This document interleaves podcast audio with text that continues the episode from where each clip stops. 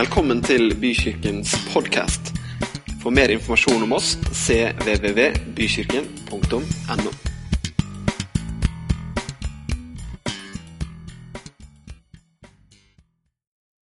I 2004, 12. november, på en kald vinterkveld, så var det en gjeng med seks tenåringer som hadde stjålet et kredittkort. Og blant de tinga de hadde kjøpt, var en stor frossen kalkun. På en eller annen måte, så, mens de da girer hverandre opp og herjer i bilen der, så tar han ene den frosne kalkunen på over seks kilo. Så kaster han den ut bakvinduet på bilen. Og så treffer den en annen bil. Går gjennom frontruta og knuser ansiktet på dama som sitter i den bilen. Historien om eh, Victoria eh, Ruvolo i USA er en sterk historie. Hun kommer på sykehus, selvfølgelig. Hun er bevisstløs. Hun eh, opereres i timevis for å forsøke å rekonstruere ansiktet. Og når hun mange uker etter operasjonen kommer ut av koma, så kjenner hun ikke seg sjøl igjen når hun ser seg i speilet. Legene forteller henne at uh, resten av livet så kommer du til å ha tre titanplater for å holde kjeven på plass. Vi har spesialvaiere som, uh, som, strammer opp rundt uh, sånn at øyet ikke detter sammen fordi at øyehulen er knust. Så blir hun liggende der på sykehuset. Så tenker hun Hvorfor meg, Gud? Typisk oss mennesker å tenke sånn. Hvorfor meg? Hvorfor er det sånn at det er Hvorfor skulle jeg gjennomgå dette? Er det en mening med det? Og så videre og så videre. Tida går, og ungdommene blir tatt. De fem andre ungdommene de går fri i en forhandling med påtalemyndigheten om å vitne mot han ene som kasta kalkun. Han stilles for retten. Retten krever 25 års fengsel for en tenåringsgutt. Victoria hun ber innstendig om å få lov til å møte denne gutten. Hun spør, hun, hun, hun gir seg ikke, men hun, hun, ber om å få vite hva, hva slags gutt er dette som kan gjøre noe sånn som dette her. Vi kan få se bildet av henne her oppe òg, faktisk. Dette er en god stund etter eh, ulykken, men på sykehus fortsatt. Og dette er eh, sånn som hun faktisk ser ut i dag. Og hun vil vite hvordan kan, hvordan kan noen gjøre noe sånt? Og så fylles hun av medfølelse. Og så tenker hun Gud har gitt meg en ny sjanse. Hvorfor skal ikke jeg kunne gi noen andre en ny sjanse? så ber hun for han. Hun ber myndighetene på hans vegne om at han kan få amnesti. At hun ikke vil anklage han for det som han har gjort. Og så reduseres straffen i domstolen i USA fra 25 år, som de krevde, til seks måneders fengsel og fem års prøvetid. Idet rettssaken avsluttes Vi har et bilde av Ryan her også, som han heter. Hun forteller Victoria at når, han, når hun så han for første gang komme inn i rettssalen i en dress som var fire størrelser for stor, og med et bøyet hode, så var det som om alle morsinstinktene i verden bare fylte henne. Så faller dommen, kraftig redusert, og så beveger han seg mot henne. Og alle rettsbetjentene er liksom klare til å stoppe han, men eh, det, det gjør de ikke. Så kommer han bort til henne, og han gråter. Han strigråter. Og så forteller han henne Dette er jo da etter at dommen er avsagt. Forteller han henne at 'jeg har bedt for deg hver eneste dag'. Og så sier hun disse ordene. 'Gud ga meg en ny sjanse. Hvorfor skulle ikke jeg gi det videre?' Som en del av prøveløslatelsen så deltar han i et prosjekt ledet av noen flotte psykologer og eh, noen som holder på med noen program for ungdommer hvor han er med å snakke til ungdommer. Når han har gjort plikttiden sin, så signer han opp for tre år til som frivillig medarbeider for å forsøke å utgjøre en forskjell for andre. En fantastisk historie om tilgivelse. Victoria har skrevet en bok som heter 'No Room for Vengeance, Injustice and Healing'. Ingen plass for hevn, i rettferdighet og helbredelse. Vi kan la historien om eh, Victoria henge der. I dag så har jeg lyst til å snakke om tid for tilgivelse. Tilgivelse er vanskelig, men ikke mindre er det viktig. Jeg tror vi alle på, på et eller annet nivå i livet vårt har opplevd at noen har gjort noe mot oss, eller oppført seg på en måte mot oss som ikke var bra. Blitt tråkka på. Baktalt. Enda mer graverende ting som overgrep osv.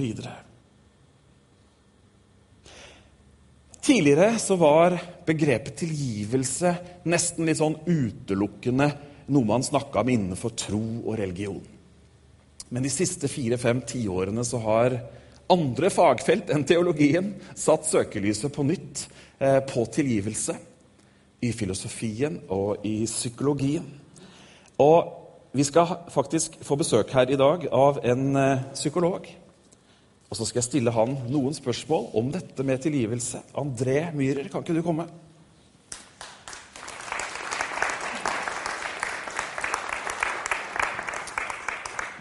Nå har jeg stått med to mikrofoner, skjønner jeg. Jeg har stått med den og den, og ingen har sagt noe. Der kan du se, Den er oppvarmet. Oh, takk skal ja. Hjertelig takk. Eh, når jeg, når jeg jobba med dette temaet her, så overraska det meg litt. Selv om jeg visste det, så overraska det meg faktisk litt grann hvor mye stoff som finnes om tilgivelse i både psykologi og filosofi. Og da fikk jeg en tanke om at ja, men vi har jo, jeg kjenner jo en psykolog.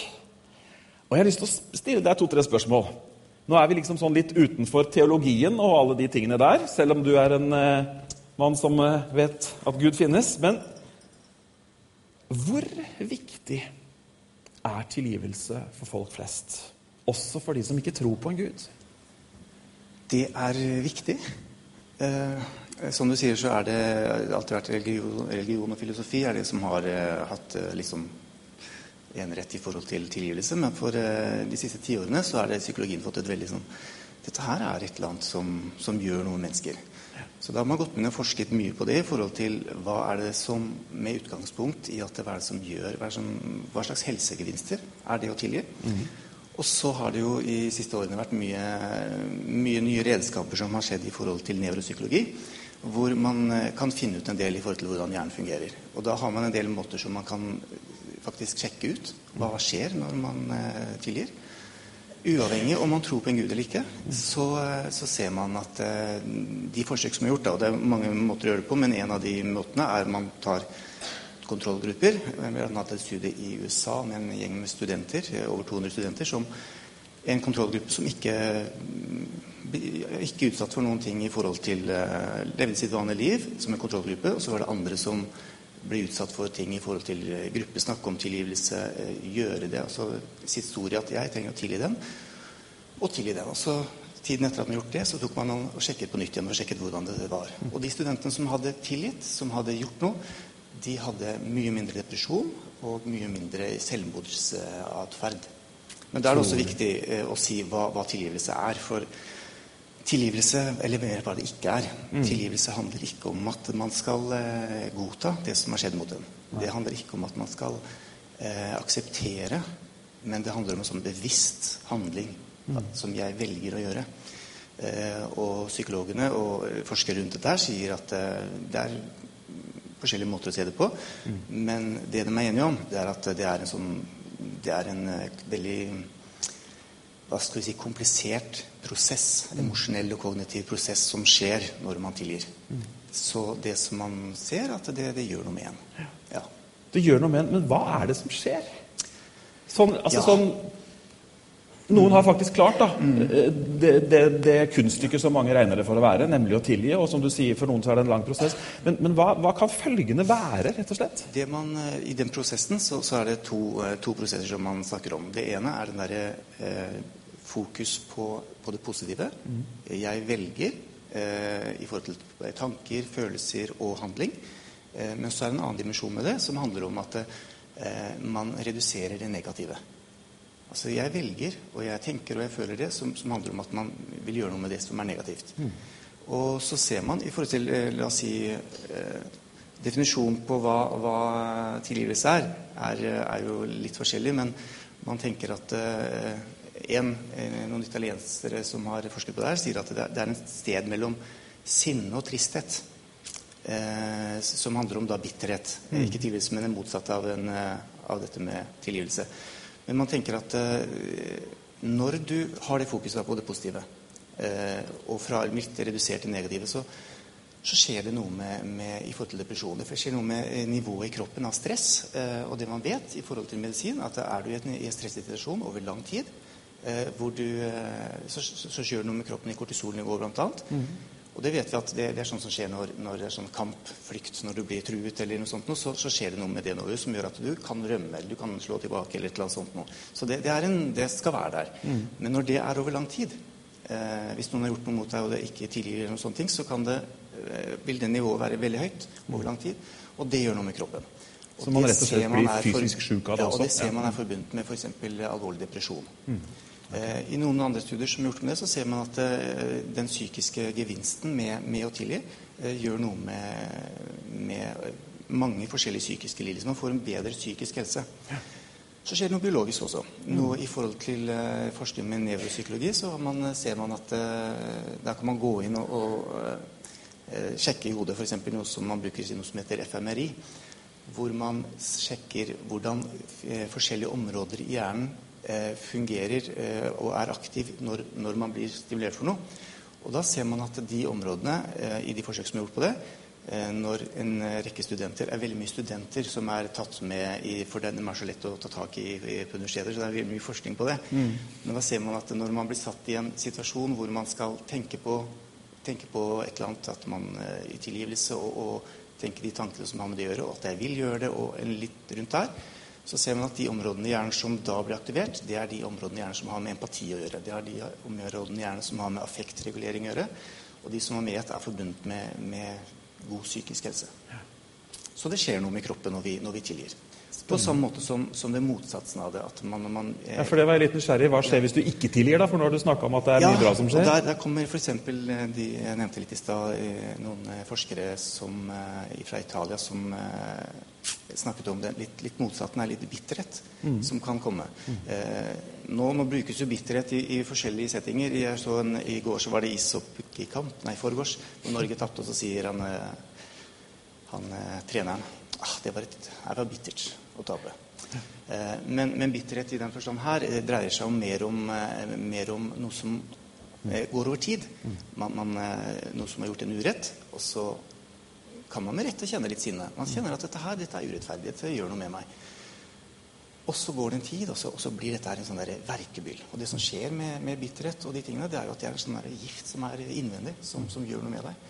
Og, og de konsekvensene som, som det har, med f.eks. et eh, nivå inne som kortisonen er stadig høyt, når stressnivået er høyt oppe, og de tingene som gjør noe med det, så vet man at det har eh, gevinster motsatt av en god helsegevinst. Det, man ser eh, mange ting som, som påvirker det. Men det er klart, dette er stor, det er stor del. Det er ikke bare sånn at uh, og så, så er ordner alt seg. Det er mange faktorer som spiller inn.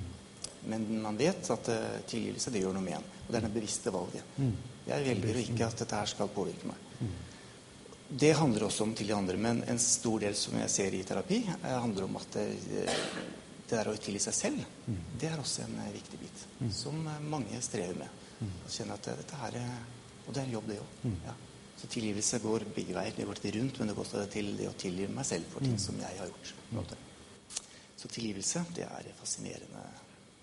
Du, jeg holdt på å si tusen takk for at du kom i studio, men, eh, men takk skal du ha for, for at eh, for at du beriker oss. Hjertelig.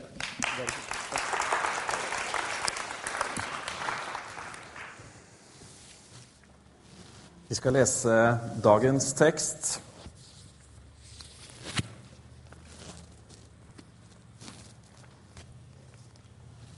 Vi får den på veggen nå, tenker jeg. Tilgivelse er et sentralt tema i Bibelen. Jesus tar det opp gang på gang gjennom evangeliene. En gang så kommer Peter og spør hvor mange ganger skal vi tilgi.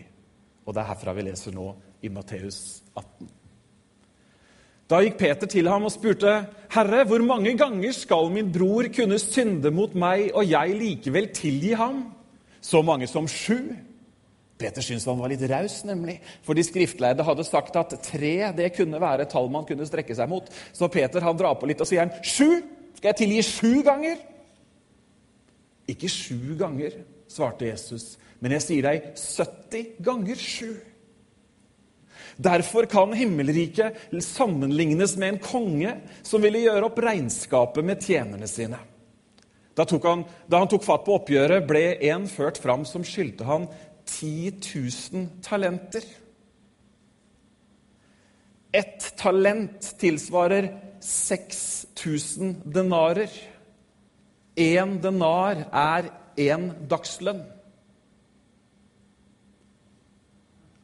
Bare sånn for å skjønne. Denne tjeneren han skyldte Oversatt til, eh, til økonomi i dag så skyldte han titalls, kanskje hundretalls millioner. Så høy var skylden. Han hadde ikke noe å betale med, og Herren befalte han at han skulle selges med kone og barn og alt han eide, og gjelden betales. Men tjeneren kastet seg ned for han og bønnfalt han. Vær tålmodig med meg, så skal jeg betale deg alt sammen. Da fikk Herren inderlig medfølelse med denne tjeneren, slapp han fri og etterga han gjelden. Jeg stopper litt der før vi leser resten av historien.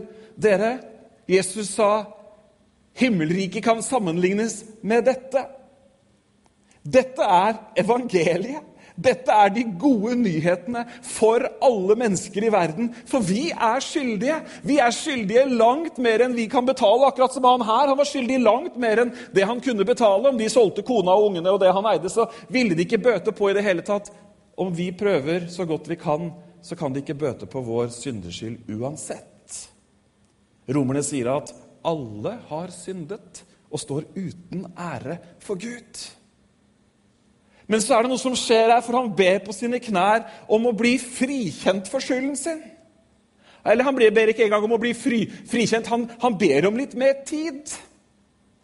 Han har liksom et sånt lite håp han klamrer seg til. Det kan jo hende det går bra til slutt. Men så kommer kongen. Han er full av nåde, og han gir ikke bare mer tid, men han tilgir alt sammen. Han sletter det. Fantastisk! Helt fantastisk! Tenk å oppleve det! Er det noen her som kunne leke litt med tanken om at du fikk et brev fra banken i morgen? Hvor liksom Alle dine forpliktelser, de er sletta.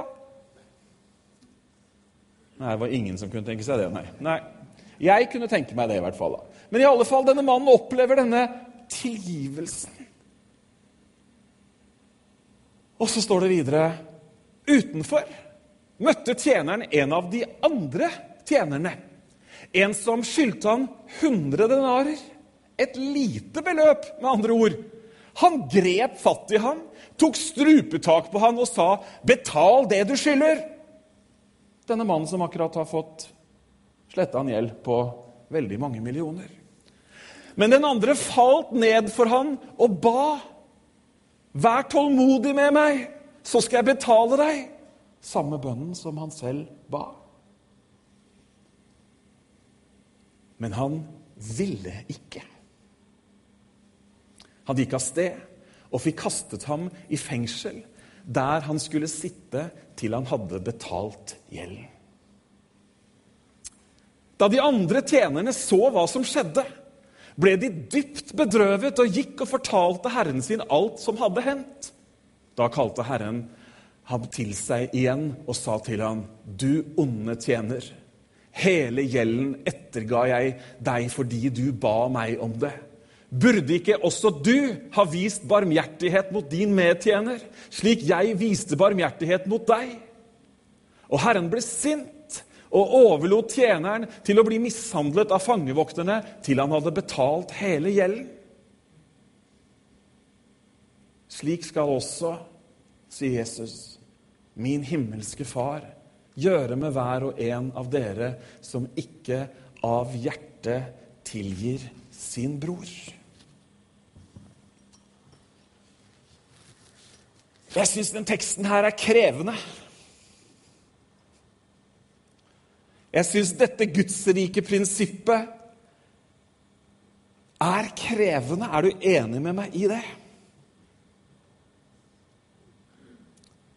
Nå tenker vi jo kanskje at ja, men jeg, jeg hadde jo ikke gjort det samme. Nei, det kan godt være. Men likevel så lever vi i et samfunn, vi lever i relasjoner med hverandre, hvor akkurat det med mangel på tilgivelse er en stor del. Mennesker som holder fast i ting. Til og med oss. Til og med, til og med oss, vi som er frelst, vi som har tatt imot Jesus, vi som har fått den store gjelda sletta. For oss så er det noen ganger vanskelig å vise den, det samme hjertelaget mot vår neste. Er dere enige med meg i det? Det er faktisk sånn noen ganger at et menneske kan stå på i en gudstjeneste eller hjemme osv. Og, og, og, og takke Herren for at syndene er tilgitt, og for at alt er utslettet, og for at man er en ny skapning. For så neste time å møte sin neste med alt annet enn nåde og tilgivelse. Dette er ikke mine meninger, dette er Skriftens klare meninger. Og Jesus, altså ta Fader vår. Gi oss i dag vårt daglige brød. Og tilgi oss vår skyld, slik som vi også tilgir våre skyldnere. Hm. Det er liksom som om korsets retning opp og ned taler et tydelig språk om en Gud som tilgir mennesket. Men så har korset også en horisontal del. Fra menneske til menneske. På en måte så er det krevende, på en annen måte så er jeg glad for å stå og bekjenne og forkynne en tro som ikke bare handler om mitt private forhold til Gud Fader i himmelen, men som også påvirker mine medmennesker. Er du enig? Jeg er glad for at det er sånn. jeg. At ikke det bare er hver salig i sin egen tro, og så kan man eh, prise Gud i det ene øyeblikket, og så kan man behandle folk dårlig i neste øyeblikk. Markus 11 er det noen vers som vi liker å lese. Sannelig, jeg sier dere, og noen sier til dette fjellet Løft deg og kast deg i havet, og han ikke tviler i sitt hjerte, men tror det han sier, vil skje, da skal det også gå slik. Vi liker å flytte fjell, gjør vi ikke det? Vi liker å bekjenne at vi kan flytte fjell. Og det kan vi. Det er ikke det jeg sier. Og så står det videre.: Derfor sier jeg dere, alt dere ber om i bønnene deres, tro at dere har fått det, og dere skal få det. De kunne jo prekt en salig preken bare på det verset der. Jeg tror det. Jeg tror det er helt sant. Men det står noe mer også i dette verset her. Men når dere står og ber og har noe å anklage en annen for, så tilgi han, for at deres far i himmelen kan tilgi dere misgjerningene deres. Men om dere ikke tilgir, skal heller ikke deres far i himmelen tilgi deres misgjerninger.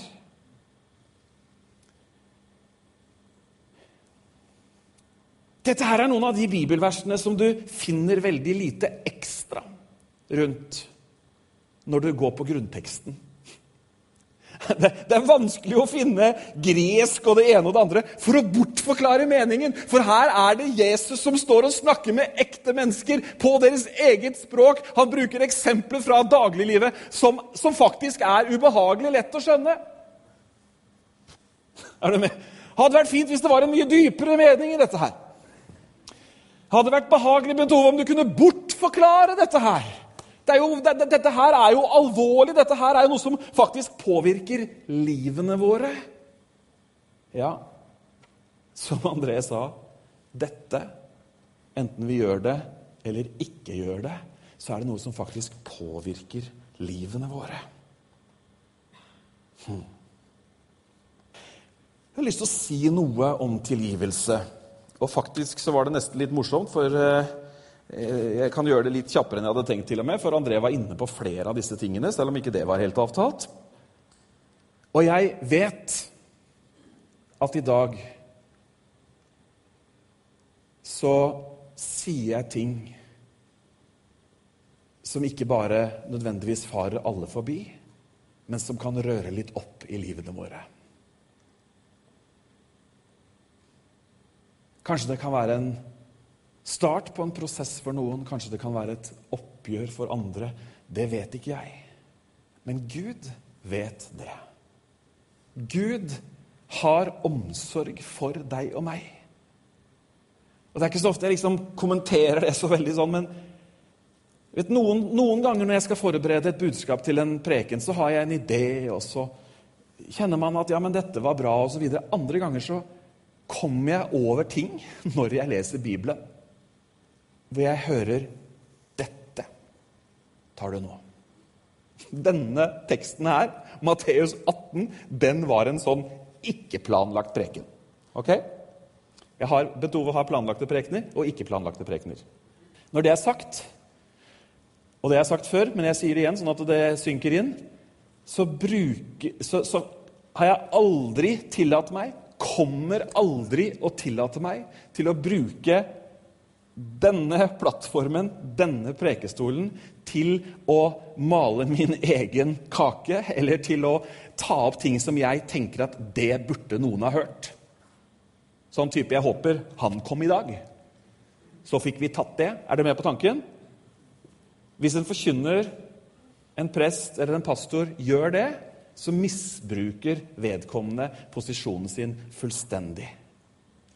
Men jeg har tro på en Gud som vet hva som trengs i livene våre.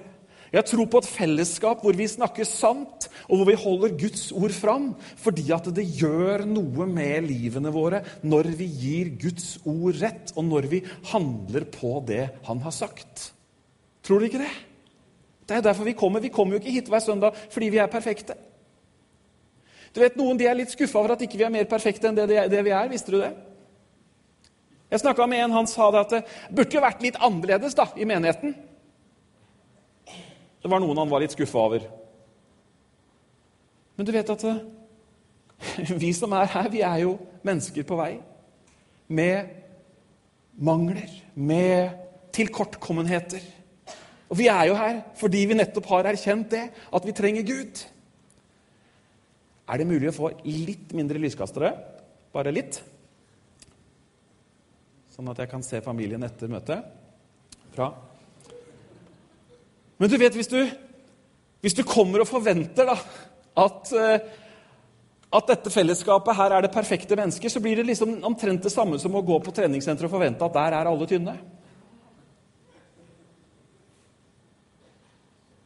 Ta deg en tur på treningssenteret, og så har du den forventningen. Da blir du fort skuffa. Jo, fordi De er jo der fordi at de trenger kanskje å gå ned i vekt, da, eller komme i bedre form. Og Derfor så er vi her, fordi vi trenger å høre Guds ord. Fordi vi trenger å kalibrere hjertene våre, fordi vi trenger å justere kursen, fordi at Bibelen sier at hele Skriften er nyttig. Til opplæring, til instruksjon, til rettledning osv. Ha med deg det bakteppet når vi leser sånne skriftsteder som det vi leser i dag. ok? Dere, noen ting som dere skjønte bare på all den visdommen den mannen hadde i løpet av tre minutter, så er dette et tema som er stort. Men det er allikevel viktig å gi noen knagger i forhold til dette med tilgivelse, sånn at ikke man misforstår. Tilgivelse, det betinger ikke at den andre parten kommer og ber om tilgivelse. Du kan tilgi en situasjon. Ofte så er det litt sånn herre eh, vi, vi, drar med oss det vi lærer i barnehagen. vet du, Det tar vi med hele livet. Og da er det litt sånn her Ja, men han begynte! Ikke sant? Det var, det var, det var, det var, han, det var han som begynte! Eller i voksen tilstand situasjonen begynte da hun gjorde det, eller da han sa det. Tilgivelse er ikke betinget av at den andre nødvendigvis kommer og ber om tilgivelse.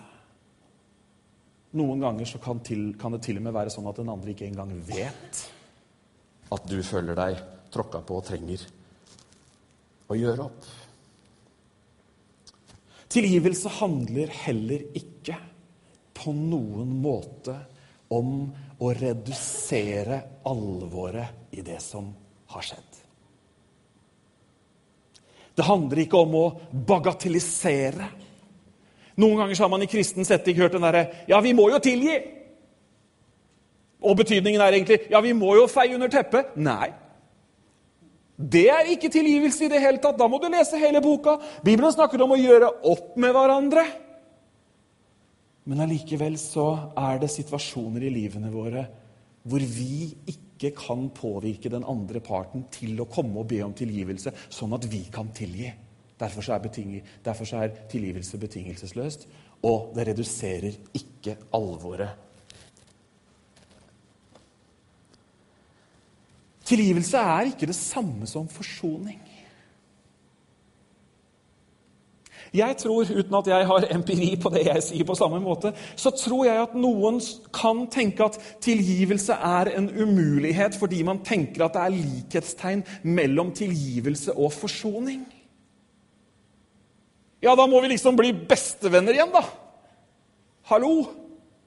Eller i, et, i en ekteskapssituasjon hvor det virkelig har skjært seg. Ja, da må, man liksom, da, må man, da må man fortsette videre der. Nei, ikke nødvendigvis i det hele tatt. Tilgivelse og forsoning er ikke det samme. Å tilgi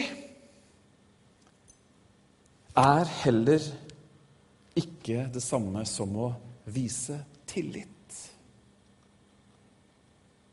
Man kan tilgi noen noe de har gjort, noe de har sagt. Men så må tilliten i etterkant bygges opp igjen. Og kommer kanskje aldri engang til det nivået den var. Tillit og tilgivelse Eller å, å tilgi er ikke det samme som å vise tillit. Hm, hva er tilgivelse, da? som André var inne på, det kan være mange ulike definisjoner og mange sider av det. Men å tilgi er å frasi seg på en måte. Det er å på en måte gi slipp på retten til å gjengjelde. Eller at noen skal betale for det. Det er tilgivelse. Ja, men hallo! Hm. Er det rettferdig, da? Er det rettferdig?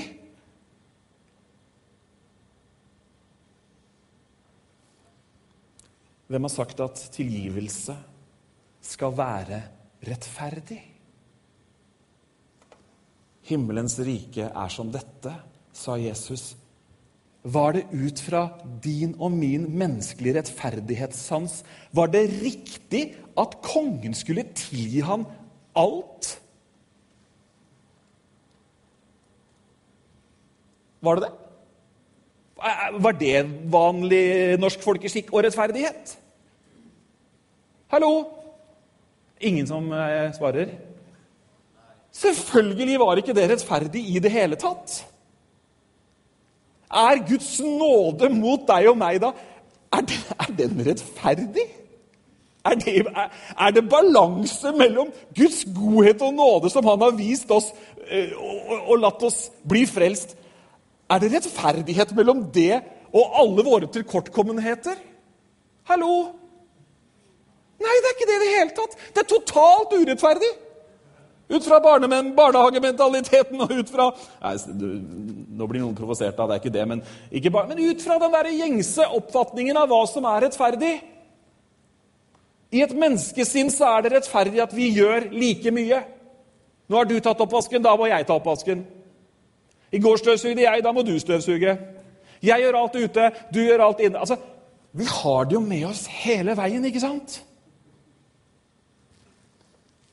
Tilgivelse er nåde. Tenk om Gud skulle gjengjelde alt mot oss.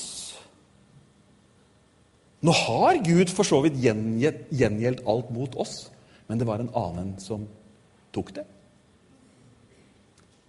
Han lot straffen ramme han. Han lot sykdommene ramme han. Han lot skammen ramme han for at vi skulle gå fri. En rettferdig for de urettferdige. Henger du med? Den er tung, den jeg kommer med nå. Men fortsatt så er det ikke mine ord. Å tilgi er å be for dem som har gjort urett.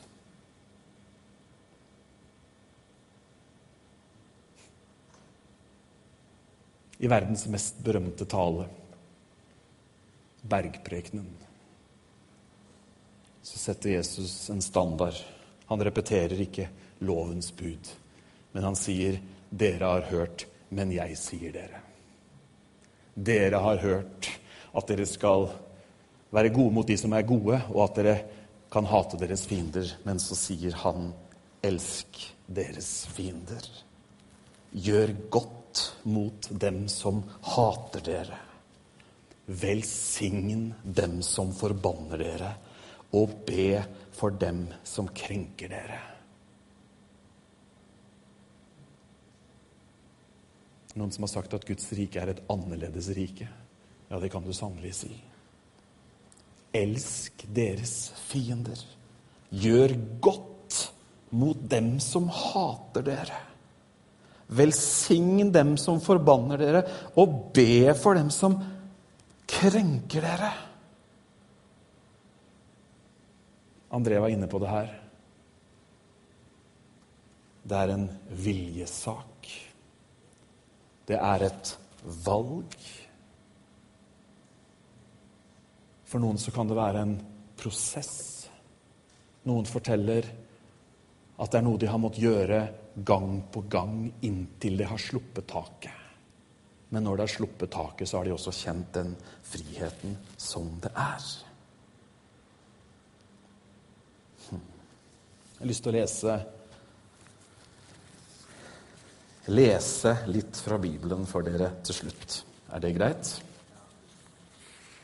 Takk skal du ha, Ole, for at du gir eh, spillerom og frihet til pastoren. Det er vi glad for.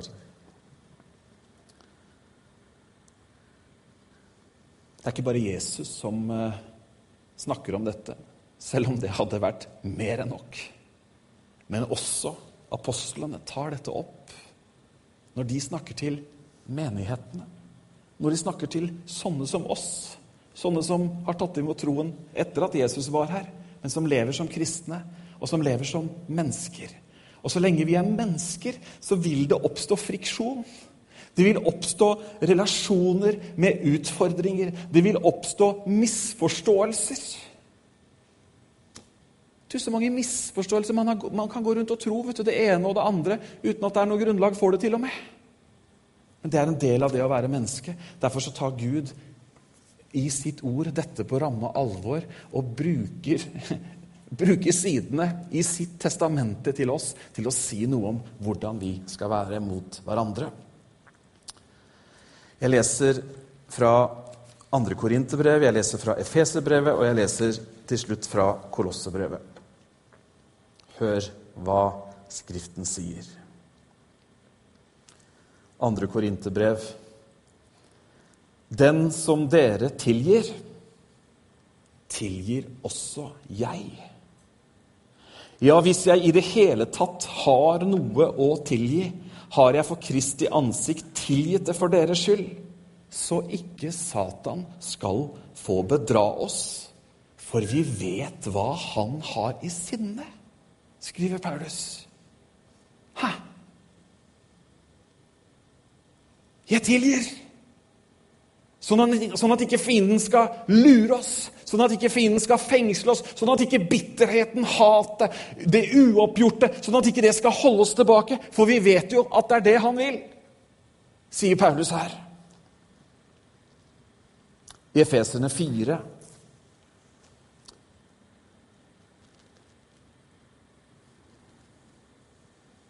Det er så mye bra vet du, at man får lyst til å lese alt, men jeg kan jo ikke det. Men jeg begynner fra vers 24. Kle dere i det nye mennesket, som er skapt i Guds bilde, til et liv i sann rettferd og hellighet.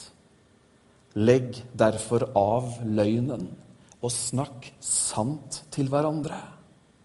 For vi er hverandres lemmer. Blir dere sinte, så synd ikke, og la ikke sola gå ned over deres vrede. Gi ikke djevelen rom. Den som har stjålet, skal ikke lenger stjele, men arbeide og gjøre noe nyttig med sine egne hender, så han kan ha noe å gi til dem som trenger det. La ikke et eneste råttent ord komme over leppene. Si bare det som er godt, og som bygger opp der det trengs, så det kan bli til velsignelse for dem som hører på. Gjør ikke Guds hellige ånd sorg. For ånden er det seil dere er merket med helt til frihetens dag. Slutt med hardhet og hissighet, med sinne, bråk, spott og annen ondskap. Vær gode mot hverandre. Vis medfølelse. Tilgi hverandre slik Gud har tilgitt dere i Kristus. Slik Gud har tilgitt dere i Kristus.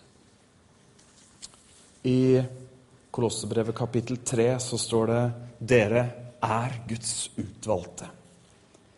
Helliget og elsket av Ham. Du vet, Den der kan man bare ha med seg og leve på i mange uker. Dere er Guds utvalgte, helliget og elsket av Ham. Derfor kle dere i inderlig medfølelse. Vær gode, milde, ydmyke og tålmodige, så dere bærer over med hverandre og tilgir hverandre hvis den ene har noe å bebreide den andre. Som Herren har tilgitt dere, skal dere tilgi hverandre. Det er også et vers hvor ikke du henter så veldig mye mer fra grunnteksten. Det er klar tale. Så dere bærer over med hverandre og tilgir hverandre hvis den ene har noe å bebreide den andre. Og over alt dette kle dere i kjærlighet, som er båndet som binder sammen og gjør fullkommen. La Kristi fred råde i hjertet. For til det ble dere kalt da dere ble én kropp. Og vær takknemlige. La Kristi ord få rikelig rom hos dere. Undervis og rettled hverandre med all visdom. Syng salmer, viser og åndelige sanger til Gud av et takknemlig hjerte. Og alt dere sier og gjør, la alt det skje i Herren Jesu navn med takk til Gud, vår Far, ved Han. Gi oss i dag vårt daglige brød, og tilgi oss vår skyld, slik også vi tilgir våre skyldnere. Litt seinere, etter at Jesus har avsluttet Fader vår, bare fire-fem vers seinere, så står det For dersom dere tilgir menneskene de misgjerningene de har gjort, skal også deres himmelske Far tilgi dere.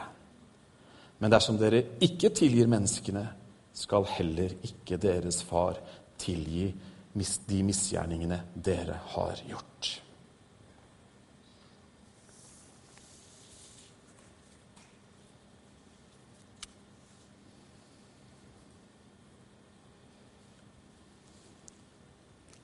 Korset. Gud, allmektige, hellige Gud, har vist oss nåde. Han har vist sin miskunnhet. Han har tilgitt oss syndene. Det står at han tilregner oss ikke lenger vår synd. Og så har han gitt oss sin rettferdighet, som ikke bare er noe som hører kammerset og den private sfæren til, men korset. Bare for at vi lett skal huske det. Mennesker på samme nivå som viser hverandre kjærlighet, som er gode mot hverandre, og som bærer over med hverandre. Dette er mer enn en salig oppfordring en søndag formiddag. Det ligger en kraft i tilgivelsen som åpner for den største tilgivelsen, og den trenger vi alle sammen. Bitterhet, harde hjerter, hat, uforsonlighet. Noen ganger så kan vi nok tenke at ja, men vi har rett. Og ja, som vi har sagt, ting urett er begått. Feil er gjort. Overtramp, både alvorlige og mindre alvorlige, har skjedd. Men så finnes det en kraft i å tilgi. Det var en som sa det sånn en gang at Jeg husker ikke hvem, men jeg kan sitere sitatet allikevel. Å tilgi er som å sette fangen fri, for så å forstå at du selv var fangen. Skal vi reise oss og be? Lovsangstime kommer.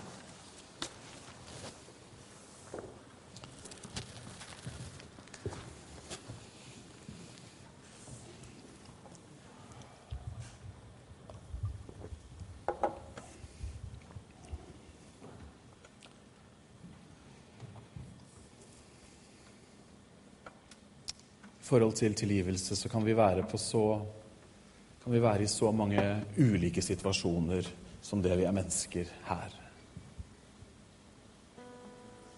Men i dag så har jeg delt Guds ord med dere.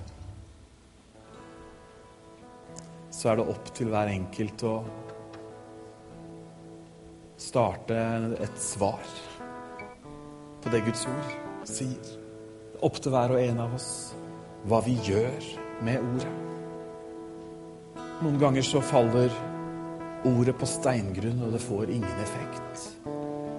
Noen ganger så preller det av som vann på gåsa. Men så er det også en i Bibelen som sier 'Jeg fant dine ord, og jeg åt dem'. Altså, jeg tok dem inn, og det ble til helse og legedom for meg.